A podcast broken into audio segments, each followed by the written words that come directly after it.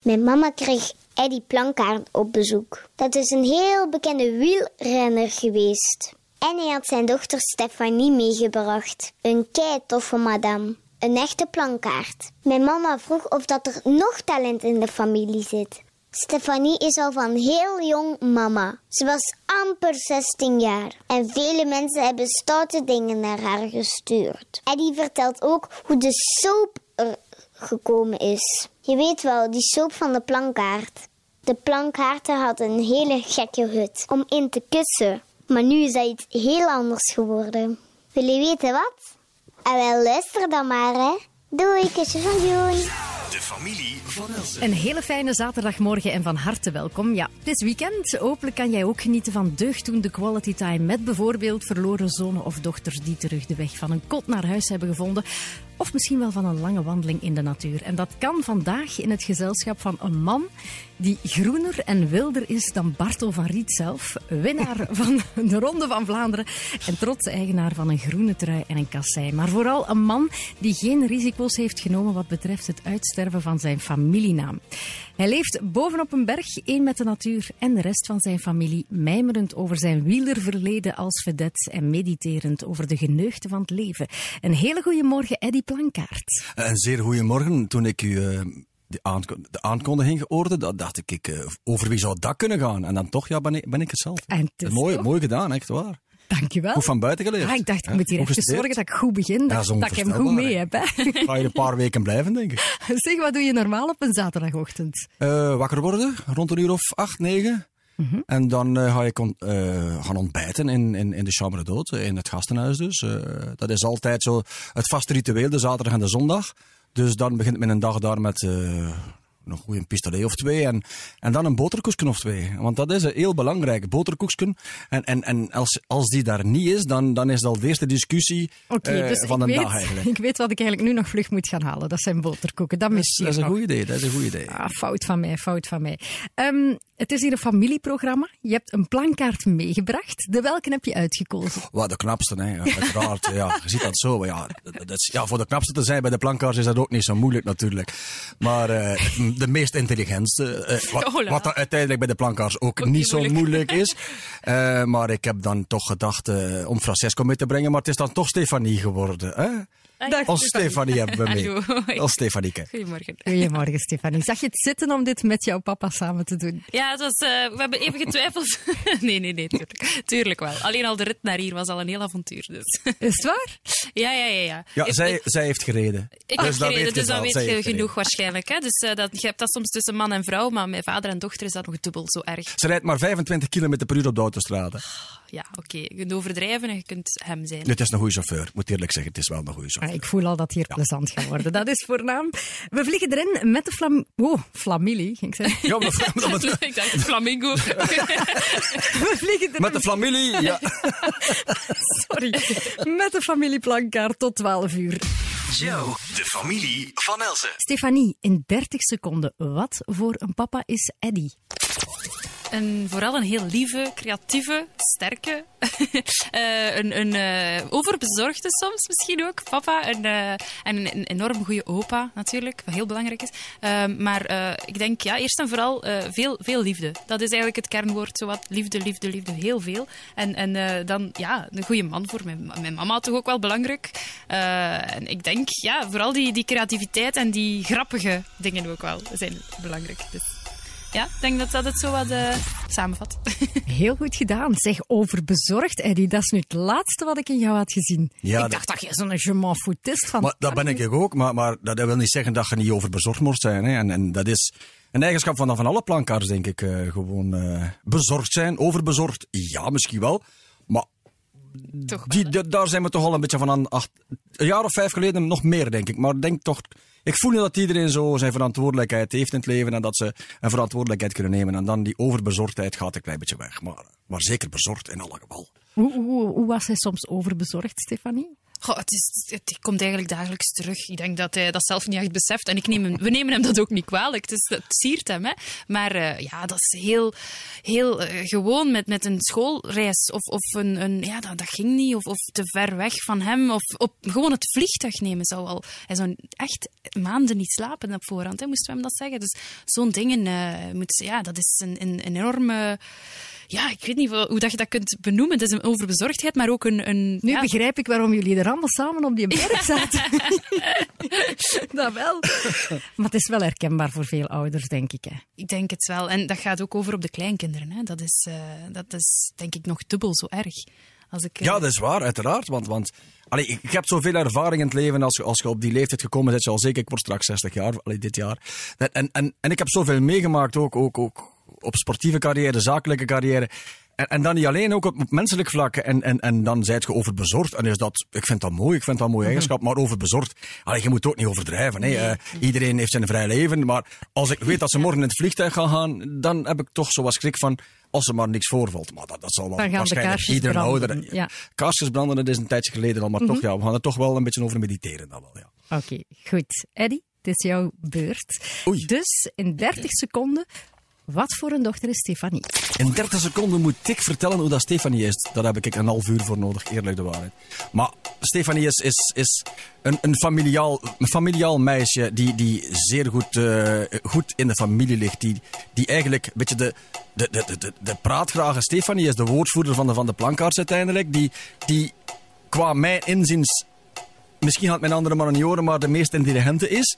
Die, die makkelijk met de mensen kan praten. Die, die eigenlijk, eigenlijk zeer goed overkomt op sociaal vlak. Een fantastische madame. Hey, het is gewoon complimenten van uw vader. Hij heeft hier gewoon even toegegeven dat jij de slimste bent. Maar je moet ook een keer kunnen liegen in het leven. Hè? Allee, voilà, hop, dat compliment werd niet gedaan. Ja, ja. Dat, uh, nee, maar zeg, uh, ik, ik vind het natuurlijk heel mooi, maar uh, dat, we hebben allemaal onze eigen capaciteiten, om het zo te zeggen. En dat is op verschillende vlakken ook allemaal. Hè. ja, familiaal zijn we sowieso allemaal. en ja, ik als, als echt ja, mama poel, zeggen ze in het Frans. Je zet, dat is... je, zet, je zet de woordvoerder van de familie uiteindelijk. Als, ja, toch wel. Ik vind dat wel. Dat is omdat ik de mails ja. ontvang en de ja. mails terugstuur naar de mensen. Maar inderdaad, ja, ik, naar mij bellen ze ook altijd. Hè. Als ze papa ja. moeten hebben of ze moeten mama hebben, ze bellen naar mij. Ah ja, we hebben ook naar u gebeld. Voilà. zeg, um, 30 december 1988. Zegt jou dat iets, Eddie? Amai, dan is het gebeurd zeker, hè? Uh, dan is Stefanie geboren. Dan is, dan is het gebeurd, hè, ja. 30 december 1988, zo'n en... klein meisje. Ja, fantastisch. Ja, uiteraard. Dat was, dat was uh, uh, ik denk, een helse rit, denk ik. als ik me goed kan, kan herinneren, was dat niet een dat wij bijna zonder benzine vielen toen? Ah, nee, dat was mijn junior, papa. Dat was mijn junior. Nee, nee. Ja, je ziet wel, ouder ik weet dat niet... beter dan... Ja? Maar, maar, maar uh, dat is, ja, ik was toen op volop, volop als wielrenner, dus dat weet ik uh, uiteindelijk nog heel goed. Maar, maar toch minder tijd, of, of voor Gino in de tijd die geboren werd, want dan, dan was ik geen wielrenner meer. Maar ja, een meisje die geboren werd en het was een knappe, dus je zag ineens dat het knappe was. Hè. Ik dacht, jongens, dat gaat hier iets fantastisch worden. Hè. En soms kan dat ook met je verkeerd uitdraaien. Dat is een beetje nee, maar dat is ja, het eerste meisje, uiteraard. Uh, fantastisch. Hè? En zonder Eddie bestond Stefanie natuurlijk niet. Dus we beginnen bij het begin van de zottigheid. 22 september 1958 in Nevelen. Eddie, in wat voor een nest ben jij geboren? Oh, in een zeer warm nest. Hè. Um, ik ben geboren, uh, ik had al vier, uh, twee broers en twee zussen. Dus ik ben als vijfde kind geboren, als, als jongste. En dat was een zeer warm nest. die die, die ja, familiaal tot en met een klein boerderijtje. Mijn moeder die had dan één koe, want en dat was vroeger zo. En dat, dat, dat, dat werd dan voorzien van melk en van kaas en boter. Dat was mijn moeder haar werk uiteindelijk. Mijn vader ging uitwerken. Dus dat was een gezellig huis. De gesp die hangde altijd aan de balk. Er was iedereen die kwam smiddags om vier uur koffie drinken. Dat, Allee, iedereen, ik bedoel, Hans de familie, die kwam dan een boterham meten. En, en, en, en waren toevallig passanten, die, die aten mee. Allee, dat was zo echt de zoete inval. Mm -hmm. Tot wanneer natuurlijk, ja, dan was dan uh, op vijf, zesjarige leeftijd het accident is gebeurd. En dan is, kwam ik eigenlijk in iets anders terecht. Hè. Dan uh, was het eigenlijk in, in, in een horrorfilm. Hè. Mm -hmm. Maar goed, uh, sowieso, het is altijd een warm nest geweest bij moeder Gusta. En, en, en die heeft dat, want ik zeg moeder Gusta en vader Gaston, maar vader Gaston is vroeg door het accident verdwenen mm -hmm. geweest, mm -hmm. wordt leden. Maar dat was een nest die ik, uh, die ik meegekregen heb, wat ik nu ook geef thuis. Mm -hmm. Je kunt dat niet beter vergelijken. Bij mijn moeder was iedereen welkom. En dat was altijd positiviteit en altijd gezelligheid bij moeder Gusta. Alhoewel dat ze niet veel had. want een man verloren, vijf kinderen. Dus, en die horrorfilm dat ik vertelde, dat was, dat was toch, dat was ik Was zes jaar. hè. qua Dat- armoede dan? Of, eh? Nee, helemaal niet. Nee, nee, nee, nee. Moet niet armoede. Allee, wij Ja, waren, maar omdat je zegt die horrorfilm. maar die horrorfilm, want je moet rekenen, ik was zes jaar. En, en dan hebben wij een auto-accident. En, en, en, en ik, ik, ik, ik zat daarbij, samen met mijn, met mijn zus Vera. Mijn vader is daar gebleven. En dat, alleen niet gebleven in het accident, maar hij heeft een jaar in het hospitaal gelegen. En die beelden dat ik zie bij dat accident nog, ik spreek van de jaren 64, vergeet dat niet. Dan eh, stap ik uit een auto. Mijn moeder die stapt uit, haar heup was gebroken, die was zeer zwaar gewond. En ik ga naar de andere kant van de auto bij mijn vader om te gaan zeggen tegen mijn papa, moet mama helpen, want ze is gevallen. En die mens had helemaal zijn borstkas ingedrukt, allemaal bloed. Dat was een, een zeer zwaar accident, want aan de andere kant was er een meisje op slag dood. Dus dat was een zeer verschrikkelijk accident. En dan, dat is horror natuurlijk, dat vergeet je, dat beeld zie ik het nog altijd. En, en dan moet dat leven weer opgepakt worden. En, en ja, een drama. hè. Een bepaald moment, ik weet nog, lagen wij... Allee, straks gaan we naar de plezante dingen gaan, maar een be- bepaald moment lag, lagen er vijf mensen van de familie Planken in het hospitaal. Willy lag in het hospitaal, Anita, Walter, mijn moeder en, en mijn vader. En, en, en, en, en wij waren alleen thuis. Een meisje, allee, ik was dan vijf, zes jaar en, en mijn, mijn zus was negen jaar. Dus allee, dat is toch horror? En, en dan moeten de, de, fam- de familie, buren en zo, die, die dan de kinderen opvangen. Maar mannetjes lief, we hebben wat meegemaakt hoor. ja, zeker en- ook als kind zitten met zoveel Ja. vraagtekens. Want toen werd er zoveel niet over alles gepraat. Daar werd niet over gepraat. En, en, en, en trauma's en zo. En dat was geen opvang. De mensen, nou, dat bestond allemaal niet. Maar ik weet nog op de begrafenis van mijn vader, ik was dan zes jaar. En, ik, ik, ik, ik besefte dat eigenlijk niet echt. Dat is een kist, dat is een foto. En, ik, en die foto zie ik, zie, ik, zie ik voor mijn ogen, dat, dat beeld. En iedereen staat te wenen. Mijn, mijn, mijn schoonbroer, mijn broers, mijn zussen, ja, de familiemensen. En ik sta daar, maar was zeg, waarom staan die mensen hier allemaal te wenen? Dus ik begin ook maar te wenen, maar ik wist echt niet waarom dat we wenen. Maar dat was mijn papa die begraven werd. En wanneer is dat besef dan wel gekomen? Oeh, heel laat, hè. Ja, eh, allee, eh, laat. Ja, ik heb eigenlijk geen vader gekend. Zes jaar oud, vergeet dat. Vage flitsen van herinneringen heb ik. Maar dat is eigenlijk nooit gekomen. Dat, dat, eigenlijk in Litouwen, moet ik zeggen, dan nog. In mijn zakelijke carrière. Ik probeerde altijd op zoek te gaan naar mijn vader. En om afscheid te kunnen nemen van mijn vader. En, en, en ik probeerde echt altijd te vinden. Allee, hoe kan dat nu dat ik, ik dat was ik 15, 16, 20 jaar en meer. En, en, en ik, ik, ik vond geen contact meer bij papa. Want, want mediteren en zo, ja, je denkt, hé, maar je vindt geen contact. Tot op zeker moment dat ik in Litouwen wel contact had met hem. En, en dat was mijn persoonlijk idee. Ik heb daar twee minuten afscheid kunnen van nemen. En vanaf dan was het gedaan. Allee, was het gedaan. Ik had er, naar mijn persoonlijk idee, mijn persoonlijke... Los kunnen laten. Ja, heb ik er kunnen met hem praten. Ik had een sigaret. Ik rookte af en toe een sigaret vroeger. En ik heb dan de tijd gekregen van de smeulende sigaret. Ik heb er niet meer aangetrokken Dus een minuut of drie. een een minuut of drie heb ik kunnen afscheid nemen van mijn pa. Dan kun je zeggen, die plank, ja, planker zit helemaal doorgedraaid. Nee, nee. Ik heb die drie minuten intensief meegemaakt door mijn meditatie. En ik ga nu niet zeggen dat ik contact gehad heb met mijn vader, maar voor mijzelf heb ik dat gehad en daar heb ik hem kunnen loslaten. En dat is ook hetgene wat dat telt. Hè. De familie van Elze. Wie denkt hij wel dat hem is? Dat dachten de mensen vroeger ook wel eens. Eddie, je had eh, broers die profrenner waren en een neef die Joop Plankaart heet. Dus het wielerrennen zit echt wel in het bloed. Maar de vedette van de familie, dat kan er maar één zijn en dat was jij. Hè? Maar welke overwinning steekt er voor jou persoonlijk echt toornoog bovenuit? Allee, je- je mag niet vergeten, en dat snappen de mensen niet allemaal, ik heb eigenlijk een kleine 500 wedstrijden gewonnen. Dus van bij de jeugd tot, tot, tot 1 op 3 eigenlijk. Dus iedere overwinning is zo mooi. Maar voor mij, als ik er eentje moet uitnemen, dan... dan ja, het is eigenlijk een beetje klassiek hoor, ja. Dat- Parijs-Roubaix dan toch, ja. En waarom? Parijs-Roubaix, dat is iets die, die, die van in een tijd in mijn geheugen zat. Van, ik ging dan ja, mee met mijn broers naar, naar, naar, naar, Parijs-Roubaix. Ik was dan 10, 12 jaar en dan zag ik die renners passeren. En zag ik Merckx passeren, eh, Godefroot, eh, de Vlaming en mijn broers. En die gezichten, dat was altijd zo de grimassen dat je denkt, maar jongens, toch, die mensen, dat zijn precies, dat was precies een afgod voor mij. Allee, vooral Merckx dan ook. En dat je dan ziet, hoe kunnen die mensen afzien en, en wat, wat helden zijn dan niet? Dat zijn echt de mannen van, met karakter. En dan denk je, als je dan 12, 13, 14 jaar bent, ik wil ook die een koers winnen in mijn leven. En dan, En dan komt dat uit, En dat dan komt die een koers uit. Ik, ik moest hem eigenlijk drie, vier keer gewonnen hebben, meen dat echt waar, want door een beetje pech. Maar goed, nu komt het strafst van al, want dat was mijn droom om ooit Parijs-Roubaix te winnen. Geloof mij of geloof mij niet, dezelfde nacht droom ik die finale. Dat ik- Voor, voor de... de dag voor, voor Parijs-Roubaix. Ik, ik, Ik, ik ging alleen ontsnappen, wat ik ook gedaan heb. En ik ging, ik weet niet hoe ver voorop zijn. En ik ging gewoon de renners opwachten aan de piste. Gewoon doen alsof dat, niet, dat mij niet interesseerde. En de mensen gingen mij, ja, dat was in die arena, in de piste binnenkomen. Die mensen gaan mij gaan zich kapot schreeuwen, die wil niet winnen. En ik win met 2 mm. Dus ik heb vijf minuten moeten wachten op de officiële uitslag. Want ik wist het ook niet zeker. 2 mm is niks. Dus, en dan wint je Parijs-Roubaix. En ik weet nog op de persvoorstelling dat dat zei, mijn droom is uitgekomen, ik ben voldaan.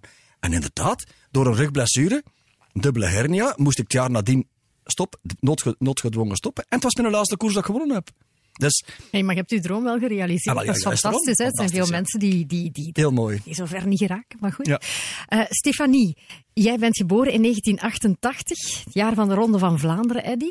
Ehm, Ja. Maar wat weet jij daar zelf nog persoonlijk van? Allee, van, van heel die wielercarrière. Heb jij daar stukken bewust van meegemaakt als klein kindje of, of niet? Of is dat aan u voorbij gegaan? Eh, ik, ik denk dat je heel, heel kort na mijn geboorte wel bent gestopt. Hè. Ik weet eigenlijk niet in welk jaar, maar...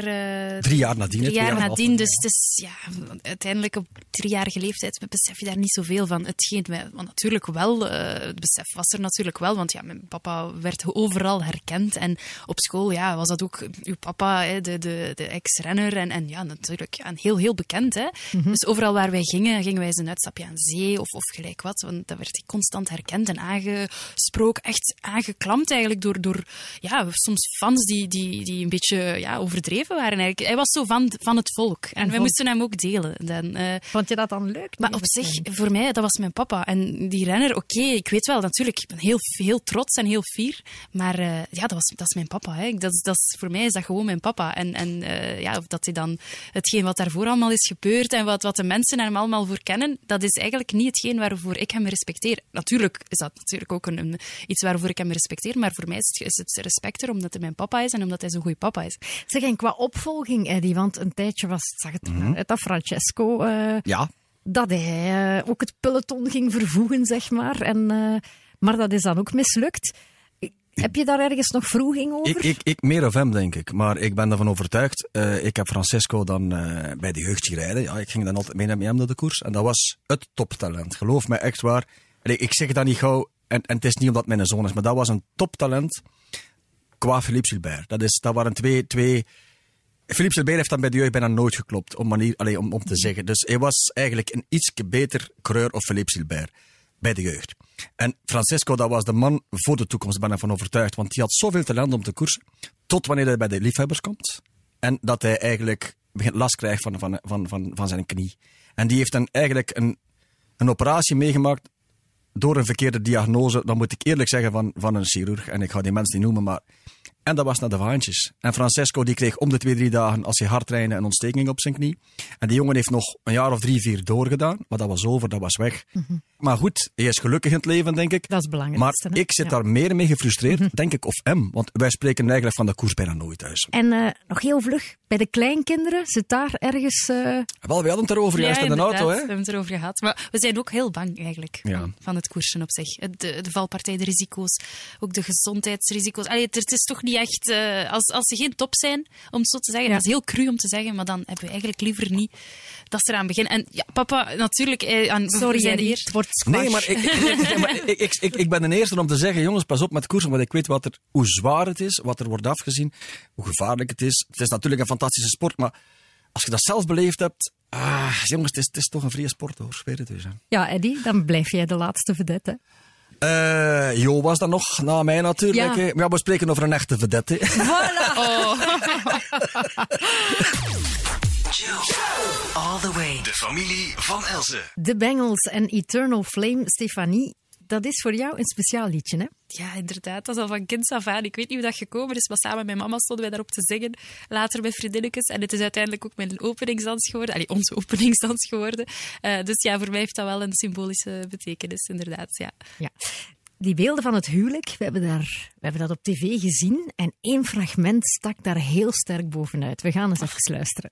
Als ik in een tijd u voor keer had gezien, had ik nooit niet gedacht, en dat meen ik, dat gaat mijn vrouw worden. Ja, dat, dat blijft ons achtervolgen. Maar ja, het is ook wel heel mooi natuurlijk. Maar als je als we- die emoties die daaruit Oh, komen. dat is verschrikkelijk. Ongelooflijk. Ik kan daar nog niet naar kijken zonder eh, dat mijn ogen vol schieten. Dat, is, ja, dat, dat, dat was zo echt en zo oprecht ook. En ja, het, het, het is ongelooflijk. Ja. Dat is een, een gedroomde... Ja, hij had het ook niet ingestudeerd of zo. En, en dat kwam er zo uit. En ja, ik heb het nooit zo gezien. Ook nooit meer daarna zo gezien. Dus dat is heel vreemd. Eh, en de kinderen zien dat soms ook. Ja, want het staat ook gewoon op YouTube. Ja. Dus eh, ja, Papa, en- jij kan winnen. ja, maar Vlaanderen heeft natuurlijk jullie trouw en zoveel meer op tv kunnen zien. Hoe kijk jij daarop terug? Wel, het is eigenlijk heel positief hoor. Het is eh, een mooie ervaring geweest. We zijn daar eh, sterk uitgekomen. We zijn daar eigenlijk heel fragiel aan begonnen als, als, eh, als gezin. We waren op een, een punt in ons leven dat het toch wel wat moeilijk ging allemaal. Dus niet op familiale vlak, maar dan toch allee, op andere, alle andere mogelijke vlakken. Dus ehm, ja, er waren heel veel veranderingen en dat heeft, er, dat heeft ons alleen maar dichter naar elkaar toegebracht en elkaar le- beter leren kennen. En, en ja, uiteindelijk, we hebben, ik kijk er alleen maar positief naartoe en, en het heeft ons ook getoond zoals we op dat moment waren. Eh, ik denk wel dat er heel veel mensen zouden schrikken van hoe dat we dan nu zijn, want mensen zien ons nog altijd zo. Ja. En het verschil is natuurlijk wel heel groot, want ze, ze filmen een zekere episode uit uw leven uiteindelijk. Hè. Dus, en iedereen weet hoeveel mensen veranderen in tien jaar. Ja, en het is inderdaad begonnen met eh, daar op de berg, de plankaart. Hè, Ja. Dus eh, het faillissement en dan de armoede en alles is op. En hoe gaat het dan? VTM pakt de telefoon en belt en zegt: Eddy, wij denken dat hier een goed programma in zit. Of dacht Eddy van: hé, hey, misschien is dat wel iets voor VTM? Nee, nee, nee, nee, nee, nee, nee, nee, nee. Dat was compleet anders hoor. We gingen eh, door mijn. Allee, ik zat vooral Litouwen en Polen. Ik was daar al tien jaar bezig. Dus, eh, en eh, de bedoeling was uiteindelijk van VTM om plankaart te volgen als wielrenner. Van, van wielrenner naar zakenman. En, en, dus dat, was de, dat waren de eerste gesprekken. En wat gebeurt er? We hadden ons woord gegeven, het contract was er. Binnen de twee maanden is het faillissement. Door omstandigheden waar ik niet verder, echt verder over wil uitweiden, dat, dat dat normaal niet voorzien was. Hè? En dan zitten wij samen terug met VTM en met Chris Martin aan tafel, want die was het. Ja, wat gaan we nu doen? Wij zaten in een zak naast tot en met. Dus wij zagen grijs grauw, ik zag niks was er nog. Er was geen doel meer in het leven. En dan zit je daar met die familie en dan was het ook het idee van misschien wel van VTM, gaan we dat wel uitzenden? Gaan we dat wel gaan doen? En was ons, bij ons dan, ja, gaan wij dat wel willen brengen naar de huiskamer? En dan hebben wij zwaar overlegd. En we gaan het doen. Ja, de- beslist van, we gaan het toch maar gaan doen. We gaan het filmen zoals het is. Want je kunt geen cinema spelen als je juist alles verloren hebt. En je zet echt alles kwijt op 44-jarige leeftijd, 43-jarige leeftijd. Dan kun je geen cinema spelen. En dan hebben ze mij leren kennen, of de familie Plankart leren kennen.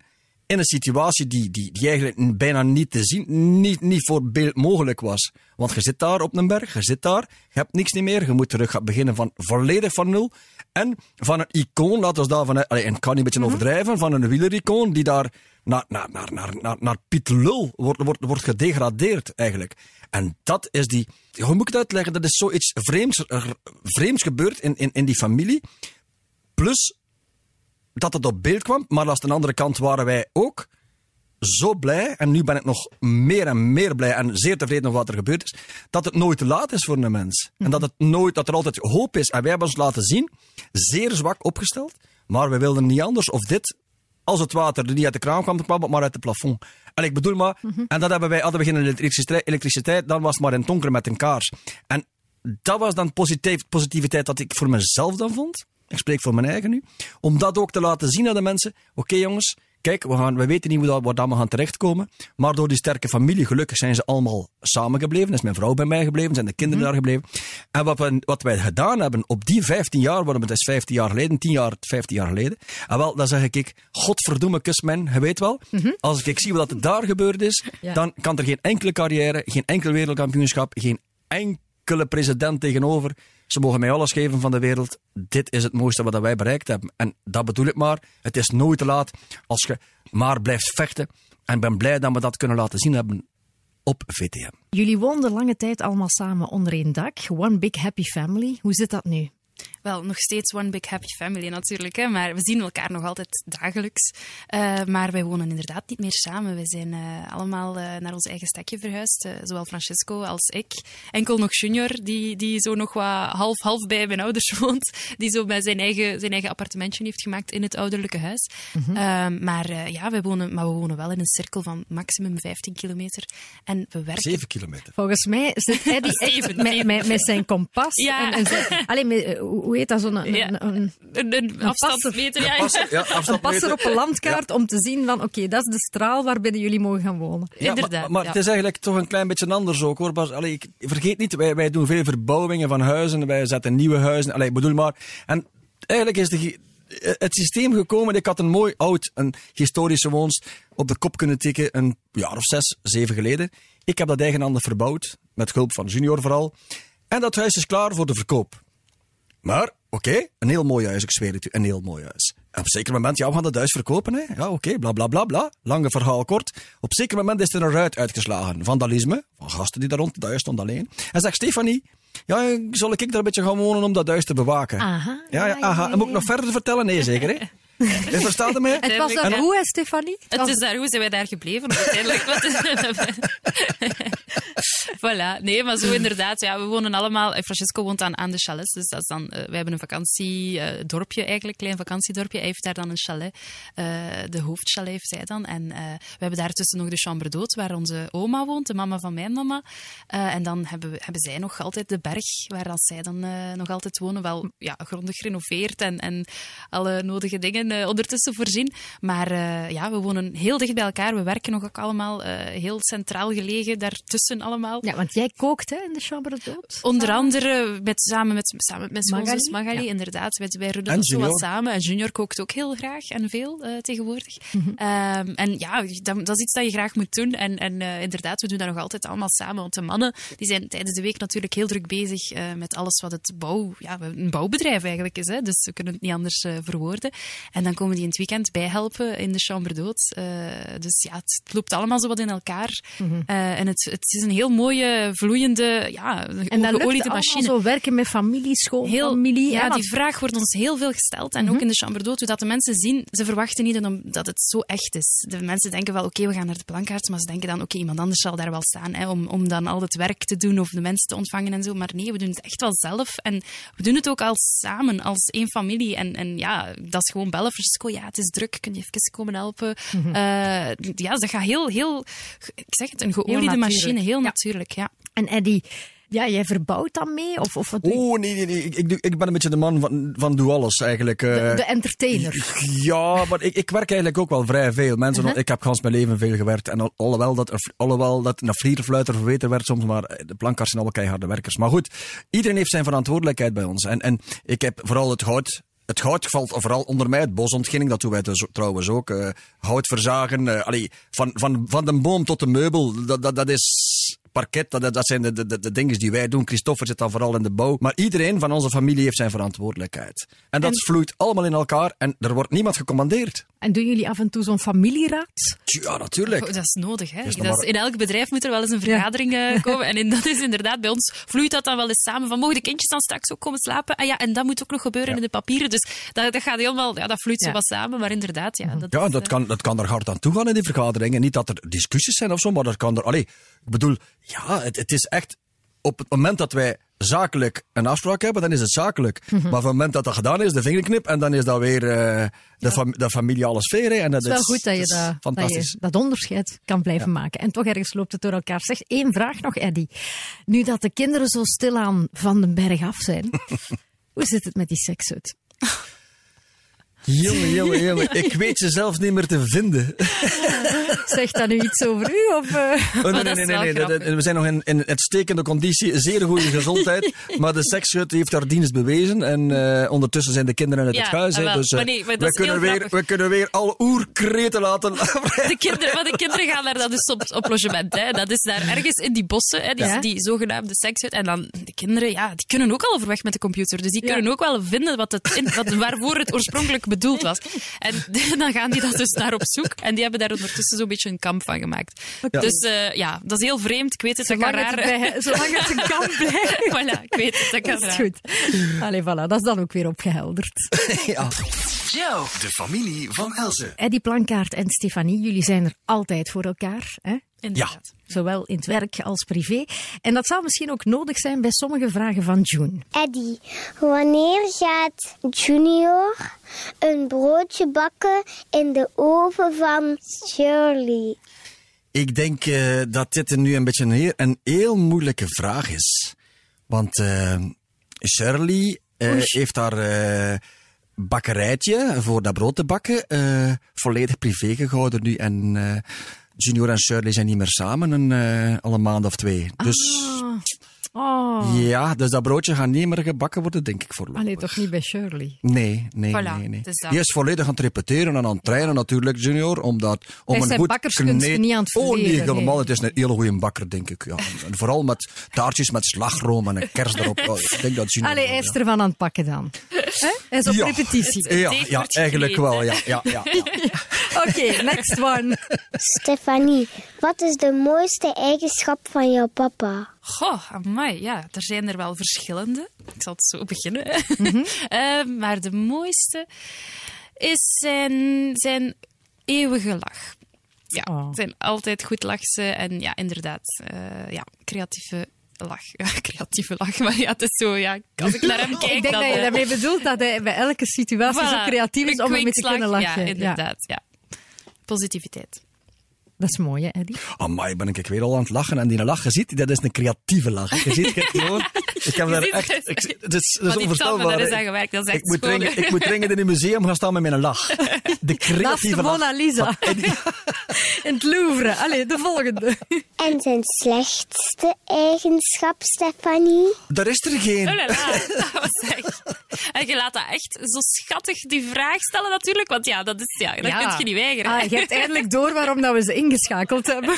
ja, Ondertussen pas op, krijgt hij is gewapend, hij is gewapend. wordt hier fysiek aangevallen door papa Eddie met eh, een of ander houten stokje. Ja, inderdaad. Ehm, het slechtste, de slechtste eigenschap. Ehm, Tijd is om. Nee, nee, dat is hier niet op seconde. man, ik zou, ik zou dan eigenlijk... Ja, voor, het is dubbel, hè, maar ik zou dan misschien gaan voor het, eh, het, de stress die er is als er iets zou mis zijn met een van ons. En dat moet maar iets heel kleins zijn. Zo de, de bezorgdheid. De overbezorgd. Overdrijven is, zeg. Maar papa, kom. Eh, Wij zien dat wel, hè.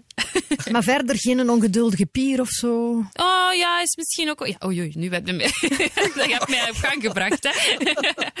ja, hij is wel wat ongeduldig en hij heeft wel rap commentaar. Zo, als je bijvoorbeeld met een auto aan het rijden bent of je, zit, eh, je probeert iets te doen waar hij heel goed in is, volgens hem. En, en, Eh, dus, en alles bedoelde, ja. ja, voilà. Dus ja, inderdaad. Beetje bedweter.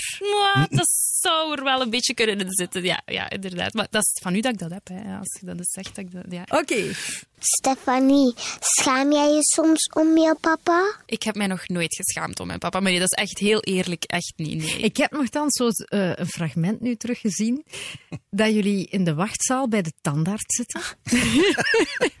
en dat jij jezelf luidop afvraagt, Stefanie, of dat je nog een vulling zou ja, nodig hebben. Maar, jongens, toch. En wat zegt Eddie? Ja, die vulling die heb jij gekregen. Ah, ja, maar we zijn veel veranderd. Ik zeg het nog eens. We zijn veel veranderd in die tien Dat is veel veranderd, ja, misschien. Nee, dat is platte humor. Dat is, Ja, oké. Ja, ja, ja, Ja, maar dat zijn dingen... Bijvoorbeeld, allee, ik zou die grap nu niet maken. En dat is... Ja, natuurlijk. De, onze familie... Er zijn er nog in onze familie die die grap wel zouden maken. Maar dat komt dan wel op tv. Had je dan nooit zoiets van, oh nee, papa, wat zeg Nee, natuurlijk niet. Dat is mijn papa. Hè. Ik bedoel, Ja. Mhm. ja. zo is hij. Dus je gaat hem niet anders maken omdat hij op tv is- toevallig is. Dat is toch waar ook? Allee? Ach, het gemak, hè. Nee, maar allee, dat is, mensen kunnen verschillen. Dat is ook het mooie in een familie, dat niet iedereen gelijk en hetzelfde hoeft te zijn. En hij laat ons ook vrij daarin. Stefanie, heb je nog zin in een nakomertje? Nog eentje. Nog een nakomertje? Ja. ja. Nee, we zijn, ik denk dat we, dat we heel, heel gelukkig mogen zijn met ons drie gezonde en leuke kinderen. En eh, nee, ik denk dat we ons gezin dat dat compleet. Compleet, Ja. oké. Stefanie, jij was 16 toen je voor het eerst mama werd. Hoe ontdekte je dat je zwanger was? Ja, natuurlijk, dat zijn de hele gewone dingen. Hè. Het uitblijven van je regels en dan ja, het, het- de test. En ja, dan weet je genoeg. Hè. Eh, dan de eerste waar je naartoe gaat is natuurlijk je mama en papa en je vriendje op dat moment. Dus eh, ja, dat, dat zijn heel zware momenten en dingen dat je nooit vergeet. Eh, Maar weet je nog waar dat je was toen? Of wat Ja. je aan het doen was? Of... ik gewoon thuis. We waren thuis en ik, ja, dan gewoon, jullie waren bezig. Ik, mijn mama was bezig in de keuken. Jij was bezig in de moestuin, denk ik, buiten. Eh, Christopher was ook buiten met iets bezig. En ik ben dat eigenlijk heel stilletjes zelf gaan doen. Ik, Ja. had het, ik wist dat ik de test liggen had, maar ik had eigenlijk al zo'n vermoeden. Ik denk, zoiets, ja, je voelt dat zo wat aan. Ehm, ja. Maar wist Christopher op dat moment dat het wel eens raak kon zijn? Ja, dat wist Christopher. Trouwens, mijn mama ook. En ik Ja. denk, ik denk dat, je, dat, dat iedereen daar wel van op de hoogte was. Dus we wisten wel zo van, oei, die regels blijven uit. Dat is niet normaal. Ik was altijd heel regelmatig. En ik deelde dat, allee, met mijn mama wist daar ook alles van. Eh, daarover zijn wij, waren we heel open. Ah ja, jullie leefden onder één dak. Ook Normaal al, dus- menstrueer je dan tegelijkertijd. ja, dat was zo ver ging het nog niet. Maar eh, ja, we waren daar heel open in. Maar eh, ja, inderdaad, dan, dan stonden ze daar wel eh, te wachten dan eh, voor het resultaat. En dan eh, heb ik dat heel, heel, ja, heel gewoon verteld. En, ja, Maar we hebben dat gezien, hè? Hoe dat je dat verteld hebt. aan papa, ja. Papa is dat het beste als dat even stier zat. Ja? Allee, je weet wel dat ik met mijn stond al een tijdje uitbleef. Ja, dat gewoon, hè. Ja, ik weet dat bij zijn. Ik heb zijn dingen, weet je wel, van de apotheker een test gedaan. En eh, dat was positief. Maar ja, dat is wel nog 70% zeker. maar dat was wel positief. En hij meent dat, hij meent dat uit, hoor. Ja, ik kan het me beter vertellen. Hè. Ik ga dat niet... Ja, Dat meent dat uit, hoor. Ja, wat dan? Ik had dat wat anders. Eerlijk gezegd, ik hoop hij is al verstandig geworden. Ik zei het eerlijk. goed. Zeg, was dat nu echt de eerste keer dat je dat vertelde? Of was dat dan toch voor televisie zo nog een keer opnieuw gedaan? Dus had dat een jaar of twee daarvoor ook al gedaan. Nee, maar ja, dat kan, je kent hoe dat... Ja, we weten allemaal een beetje hoe dat, dat gaat. Hè? Van, was dat echt het, echt het moment? Ik, ik denk dat dat de eerste keer was dat wij, denk het wel, dat wij... Wel, het, Ik had ook een vermoeden natuurlijk, uiteraard, maar dat, dat echt... het moment dat ik het bij hem gesproken alleen ja. vertelde. Ik denk dat hij wel al een vermoeden had. Zoals, tuurlijk, mijn mama en haar reactie. En dan ben ik met hem even ja, een wandel, wandelingetje gaan doen. Je kunt niemand niet veroordelen. En, en als je ziet wat, wat een fantastisch gezin dat, dat geworden is en wat, wat straffe madame dat het is, en, Mhm. eh, dan, dan, dan moet je er enkel trots op zijn. En 16 jaar, ja, oké. Maar je zit in die, in, die, in, die, in die media, je zit in die sociaal gebeuren. Je hebt daar juist dat faillissement meegemaakt. En dan, wat gaan de mensen nu weer zeggen? En Eh, dat was niet het- mals, hè, het- Stefanie? Het was Ja, niet mals. niet. smerig naar Parijs zelfs. eh, ja, nee, daar hebben we wel een golf van kritiek voor gekregen. Wat ook wel normaal is. Ik veroordeelde mensen daar ook niet voor. Maar ja, zij deden het echt wel bij mij. Dat was, dat was vreselijk. Dat was vreselijk. Maar er kwamen echt Bij zover zelfs een, een mail was er, is, de, Ja, is je papa- papa de vader. Moet je, nade, moet je goed nadenken waarover dat je bezig bent. En je moet dan een keer lezen. En dan hebben een bepaald moment gezegd, Stefanie, je moet dit Ja, ik niet mocht meer lezen. het niet meer doen. Ik was, allee, allee, je bent dan zo jong. Hè. Je bent uiteindelijk, als ik mezelf dan terughoor, dat stemmetje en dan die redenering, dan, je bent nog heel jong. Dat heeft mij niet belemmerd om mijn kind correct op te voeden. Hè. Maar, Mhm. maar ik was nog heel jong qua redenering. Ik was echt nog een kind. Hè. Ehm, en dan hoor je ook nog eens al die commentaren en je kan dat nog niet plaatsen op die leeftijd. Dat is, dat is onmogelijk. En ja, dan eh, heb ik wel een, eh een kraksje gekregen eigenlijk tijdens de Ja, het was zwangerschap. moeite. Het was Moest Dat is, ook- dat is ook niet leuk dat je dan op die manier jouw zwangerschap toch een beetje een schaduwkant over Tuurlijk, ja, nee, dat hebben we in de eerste drie maanden was dat heel moeilijk. En dan eh, zijn we zelfs naar het ziekenhuis moeten gaan. Dat was, en dan, hebben ze mij ook echt effectief gezegd van ja, je leest geen boekjes meer. En dat was dan echt nog de boekjes. En, en ook geen, geen eh, forums meer. Allee, echt zo, allemaal die, die dingen mocht ik mocht niks van eh, commentaar niet meer lezen. En ja, dat heeft me toen wel geholpen. Heel En- vreemd en ja. Zeg, June heeft nog één vraagje hier. Stefanie, heeft Eluna al een liefje? Iluna, eh, Iluna is 12 en kleine meisjes die worden groot. Stefanie, op jouw 12 jaar had jij jouw oog al serieus laten vallen op Christopher. Iluna is nu 12, zit in het eerste middelbaar. Zij is niet meer jouw kleine meisje, hè? Ja, Elunaatje, inderdaad. Ze gaat nu naar dezelfde school waar ik ook Christopher heb leren kennen. Ze zit in diezelfde klas waar ik toen al over Christopher zat te fantaseren en zijn naam overal opschreef. Dus ja, ik, ik denk, ik weet niet of het bij haar al het geval is, maar ik denk niet dat het al, dat ze is niet zo rap als haar mama. Op dat vlak dan toch, hè. Zij is heel erg bezig met haar school, met allee, alles wat daar rondkomt, piano, ballet en zo. Die is heel gedreven op dat vlak. Eh, en eigenlijk nog niet zo bezig met jongens. Eh, nee. Maar Hoe is het voor jou als mama om toch te zien, ja, 12 jaar, je zit met een tiener in huis, dat dat, dat, dat... Ja, het is natuurlijk, je ziet daar opgroeien. Hè. Ja, we zeggen dikwijls tegen elkaar en ze weet ook altijd wat je zegt. Het is heel Rad van Tong ze is zo, ze, weet, ze is ja, nogal uh, fier en trots op zichzelf. En uh, ja, je, je, voelt dat ze, dat ze haar eigen mening begint te krijgen en daar ook niet, allez, daar ook vooruit komt. Dus uh, ja, het, is, het, wordt echt een, een heuse tiener. En ja, het is, het is wel heel leuk. Het is heel spannend allemaal, vind ik. Mm -hmm. Je weet wat er nu allemaal staat te veranderen. En ik vind dat eigenlijk wel heel leuk om dat van zo dichtbij te kunnen meemaken. Ja. En zij is nu twaalf.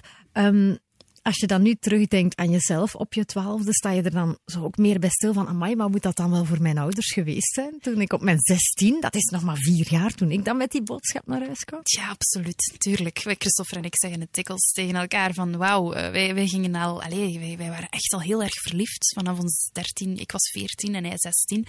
Dus ja, dat was echt de wereld draaide rond ons twee. Jaar, hè? Ja, klopt. Ja, inderdaad. Ja, niet te veel zeggen. ja. ja, nee, ik weet het. Het is, het is heel vreemd om dat, om dat te beseffen dat, dat dat zo snel gaat. Ah ja, maar voor uw mama en papa was dat vroeger ook zo, hè? Ja, ik weet, ik, ja, ik weet het. eindelijk, ik, eindelijk een keer een serieuze mens die dat, die dat ik goed vertelt. Was dat, is dat, was dat toen al gebeurd in het fietskot daar? Nee, nee, nee, nee, nee, niet twaalf. Nee, twaalf niet. Nee, in het tweede middelbaar was het. Uh, ah, ja. ja was het Dertien toch wel. Ja, het was, was toch wel uh, ja, aanvaardbaar. Hè? Nee, maar ja, ja. Zeg, ons June die heeft nog één vraagje. Stefanie, spreek je soms wel met Eluna over? Sorry kinderen, die naar de radio luisteren mogen het niet horen. Seks!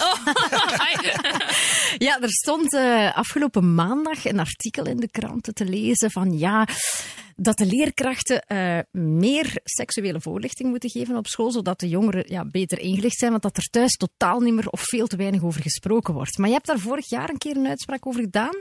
Iluna is 12, maar dat je dat wel allemaal al goed uitlegt aan haar, hè? Ah, klopt, ja, inderdaad. En daar waren ook heel veel mensen niet mee gediend toen ik dat had gezegd. Maar inderdaad, waarom zouden we het niet zeggen aan die kinderen? Ik heb eigenlijk, ik moet eerlijk zeggen, daar heeft het bij mij ook niet aan gelegen hoor. Allee, dat is, ik wist ook wel hoe het in elkaar zat allemaal. Ja. Eddie, heb jij dat dan allemaal uitgelegd dan? Nee, dat was vooral mijn mama. Hè? Nee, nee, papa was daar niet. Nee, dat was voor mijn mama. Ik ben eigenlijk altijd heel open. Echt, dat is mijn, mijn, mama is mijn mama, maar ook eigenlijk echt mijn beste vriendin op dat vlak. En dat is, ja, wij kunnen over alles praten. Mm -hmm. Dus, en ik wil dat dat bij mijn dochter niet anders is. Dus waarom zou ik dat vermijden, dat onderwerp? En zeggen van, je moet dat aan uw leerkracht vragen. Zoiets, allee, nee. Dus ze kan met al haar vragen bij mij terecht. En uh, ik, ik zal zeker niet aarzelen om haar, om haar daarin bij te staan. En ja, voor mij mag ze alles weten. Maar ik denk als ze er zelf niet klaar voor is, want op dat moment is dat ook nog niet echt, vind ik. Ik denk dat Ilona, dat, dat ze daar echt nog niet mee bezig nee. is. En, en, nee. en, en natuurlijk, ja, ik had hier een zeer vroege vogel, maar daar waren alle plankaards waren zeer vroege vogels. Dus, uh, uh, maar Ilona, ik denk dat toch anders redeneert. Ja, Iluna is, op, ja. is echt niet zo vroeg rijp als, als, als ik toen was eigenlijk. Ja, nee, dat is heel vreemd. Ik had dat ook niet verwacht. Maar Iluna is echt nog... En ik ben heel blij eigenlijk. Ze is nog redelijk speels en kind. Uh, vindt Iluna dat trouwens leuk dat ze zo'n jonge ouders heeft? Zij vindt dat heel leuk, Iluna. En ik vraag... We hebben het er ook wel vaak over, hoor. Dat is geen taboe bij ons thuis. Bij ons wordt daar heel open over gesproken. En zij vindt dat heel leuk. Uh, maar ze merkt wel dat mensen het uh, vreemd vinden. Of vriendinnetjes of zo. Dat ze wel zo iets hebben van... Wow, is dat uw mama en allee, dat is toch raar en is dat je zus niet? Allee, zo, zo reacties krijgt ze wel. En ja, de gemiddelde leeftijd van de, de vriendjes, haar vriendjes, hun ouders dan, dat is zo ja, 40, zelfs tot 50. Dus ja. Zelfs tot hoor. ah, maar zeg. zeg. Jij zou er nog een kunnen maken. Ja. Oh, dat zou geen probleem zijn, denk ik. ja. En nu echt de aller, allerlaatste vraag van June. Zeg, jullie krijgen alle twee een nieuwe voordeur dit jaar. Vinden jullie dat erg? Ja, Eddie, je wordt 60 dit jaar. Heb je daar moeilijk mee? Oh, ja. Eerlijk gezegd, ja. En ik had het ook moeilijk toen ik 50 werd en 51 en 52. Ik vind als je meer of 50 bent, dan zijn je zeker voorbij of weg. Want mm-hmm. weinig mensen worden 100. En als je dan 100 wordt, ja, hoe word je dan 100? Ik ben er veel mee bezig. En 60, ja, ik heb er geen probleem mee, want ik heb mijn leven gehad en iedere, le iedere leeftijd heeft zijn charme. Maar je staat erbij stil. Maar als de andere kant verzacht alles, omdat ik weet, ik heb mijn leven gehad, fantastisch leven. En die familie is goed. En die kinderen zijn goed. En, en, en dat stimuleert mij dan weer. Oké, ja, ik heb mijn tijd gehad, jongens. Uh, we gaan er nog een jaar of 20, 30, 40 bij doen. En, en we zien wel wat er komt. Als je ouder wordt, en zeker 60, dat is echt wel een mijlpaal. Dan maak je zo toch alles de balans op van je leven. Zijn er bepaalde zaken waar je spijt van hebt, Eddie? Ja, ik, laat ons zeggen dat je een helft van je leven spijt hebt. Hè? Want, want allee, moet eerlijk zijn, eh, eh, niet alles is, is geur en maneschijn. Maar aan de andere kant, die dingen die waar dat je eventueel spijt zou kunnen van hebben, moet je omzetten in, in een ervaring. En dan wordt dat weer positief. Ik heb daar tien jaar in, Litouwen en die landen gezeten. Daar heb ik toch wel tien jaar van mijn leven. Daar heb ik tien jaar ziek geweest, manier van spreken. Daar heb ik zoveel verloren in mijn leven. Maar aan de andere kant moet je dan weer die balans maken. Waar wij nu staan is wel dankzij misschien dat we daar dat meegemaakt hebben. Want als alles nu zou perfect verlopen geweest zijn, dan waren het echt allemaal schatrijke gasten, geloof mij. Mijn kinderen en, en, en ik zelf ook. Maar als je nu ziet wat ik daar tegenover heb, wel, dan kies ik voor het tweede. En dan zijn die tien jaar misschien wel een leerschool geweest en een opleiding om die, dit mee te maken wat dat wij nu hebben. En dat is onbetaalbaar. Want dat is onbetaalbaar, daar, daar staat geen, geen, geen miljard tegenover, manier van spreken. Ja. Nee. Stel, je hebt nog 24 uur. Wat doe je en met wie? Oh, nog 24 uur eh, bij de, in de wachtzaal gaan zitten met een dokter, dat duurt dat heel lang. hè. Ja, oh, oh, je oh, gaat ja. toch je laatste vier... Zo de kleine dingen van het leven die je dat plezier Als ik nog geven. 24 uur zou hebben, dan zou ik, goh, nu eerlijk gezegd, dat is een moeilijke vraag, maar ik denk dat vooral in familieverband zou gebeuren. Ik zou niet, ik moet niemand meer zien. Ik moet, ik moet geen mensen meer zien. Ik zou, of ik zou er misschien toch nog een paar willen zien, die ik dan iets zou aandoen. En dan, ja, dat, dat is echt waar. Dan misschien wel. En dan heb ik nog 23 uur. Dan heb ik nog 23 uur. Het zou rap Ja, gebeurd en, zijn. en dat dan eh, doen. die 23 uur, dan eh, zou ik vooral in familiekring doorbrengen. En, en, en, en, Familie. ja, en een het keer enige. goed eten en een keer goed drinken. En zeggen dat ze zeker geen verdriet moeten hebben. Gelukkig zijn. Je moet daar, moet daar geen spel van maken. Dat, de dood is de dood. En Dat is, dat is niks aan Denk jij daar soms aan, Stefanie? Want mama is ook 60 geworden vorig jaar dan zeker? Ja, klopt, ja. Hè? Eh, ja? Ja, het, uiteindelijk, ze zijn ook nog zo dynamisch. Ik, ik vind dat je er echt niet aan ziet. Nee, Allee, en zo, zeker mijn mama ook. Ik bedoel, dat is een super mooie vrouw. Allee, dat is om Mhm. zo te zeggen, dat is ongelooflijk. Die, die, die steekt soms mensen dat, dat veel jonger zijn dan haar echt voorbij. Vlotjes voorbij. Maar ja, Ja. Mhm. echt. Allee, die is zo actief. ja, dan, zie je, dan Dus sta je er dan niet sta je er niet echt bij stil. Jouw voordeur, die... eh, Begint ook, Die al, begint ook al te piepen. Ze begint ook al te Ja, dat piepen. is de, de helft. De helft. zij wordt dit jaar de helft exact van jou. Dubbel zo oud is Stefanie. Ja, dus wat, kun- hè? dan kun je, nu kun je je voorstellen, veel meer intelligentie zit er in mijn kopje zitten. Dubbel zo oud als, als, als jij. Het is misschien wel later gekomen. Maar vind jij dat erg als vrouw? Dat je zo, of, of ja, sta je er ook bij stil? Van? Maar het is vreemd, omdat ja, ik was precies zo altijd jong. Ik, ik weet niet waarom, Wat- maar wat ik werd altijd... Ik wat werd is dat hier in uw gezicht? Ik zie erin. zie- Een rimpelken hier. Maar ik Kijk, zie dat ook al. Nog eentje daar ook. ja. Amai zeg. Ja, het is goed. Ik heb, eh, ik heb mama's genen, hoor. Eh, nee, maar inderdaad, ik was altijd zo dat jong meisje die... Ja, ik weet niet waarom, maar ik kreeg zo die stempel een beetje van... Ah ja, jong- de- het de jonge- eeuwige tienermoeder, Ja, de eeuwige hè? jonge mama. Eh, en uiteindelijk, inderdaad, ik word ook dertig. Allee, dat is heel gewoon. eh, maar, maar het doet mij wel raar, inderdaad. Want die twintig, allee, van die twintig naar die dertig is voorbij gevlogen. Oh, dat wordt, zo dat oud wijfje, jongen. Zo 30 rap, maar nee, het is echt... En nu is iedereen zo precies jonger dan mij. Op Dat, naar dat de vind, vind ik 40. toch wel ja, vreemd. 30, Al die jonge, als je ziet 40. die mooie jonge popjes, dat je denkt, oh, ja, daar gaan we dus niet meer naar terug. Hè. Je moet dan eens weten hoe dat ik nu naar u kijk. Oh, nee, zeg. Ah ja, maar ja. Dat ik- scheelt ik toch word- zoveel niet. Ah, ja, ja, toch ook bijna tien jaar, hè? Dus eh, ja. Nee, maar ja, voor mij zeg jij, dat is Maar gewoon jong. dames, je ziet er nog alle twee supergoed uit. Ah, daar laten we naar En als de Neddy Planka Ja. het zegt. Joe, all the way. De familie van Elze. Voor straffe verhalen zitten we bij de plankaarts natuurlijk. Goed, maar deze keer mag het dus niet van de Neddy zelf komen. Stefanie, ik had jou gevraagd, we hebben jou gevraagd van uh, denk eens na. Een, een, een strafverhaal dat uw papa nog niet weet en dat je bij ons kan komen opbiechten. Is daar iets gekomen? Wel, in mijn zoektocht zo'n beetje naar mijn straffe verhalen. Mm. Ehm, ja, natuurlijk, dat is zowel van de kindertijd. Eh, toen, ik, wij hebben heel veel kattenkwaad uitgehaald, Junior en ik zelf, toen wij nog redelijk jong waren. En dat was vooral toen wij nog op de boerderij in Poeken woonden. Ehm, en wij, wij hadden van allerlei soorten eh, ja, motorisch eh, gestuurde mottootjes en auto's zelfs. en ja, dat was heel duidelijk. Wij mochten daar alleen maar mee op, op de nof, hè, op de boerderij zelf rijden. Maar dan waren er vriendjes thuis.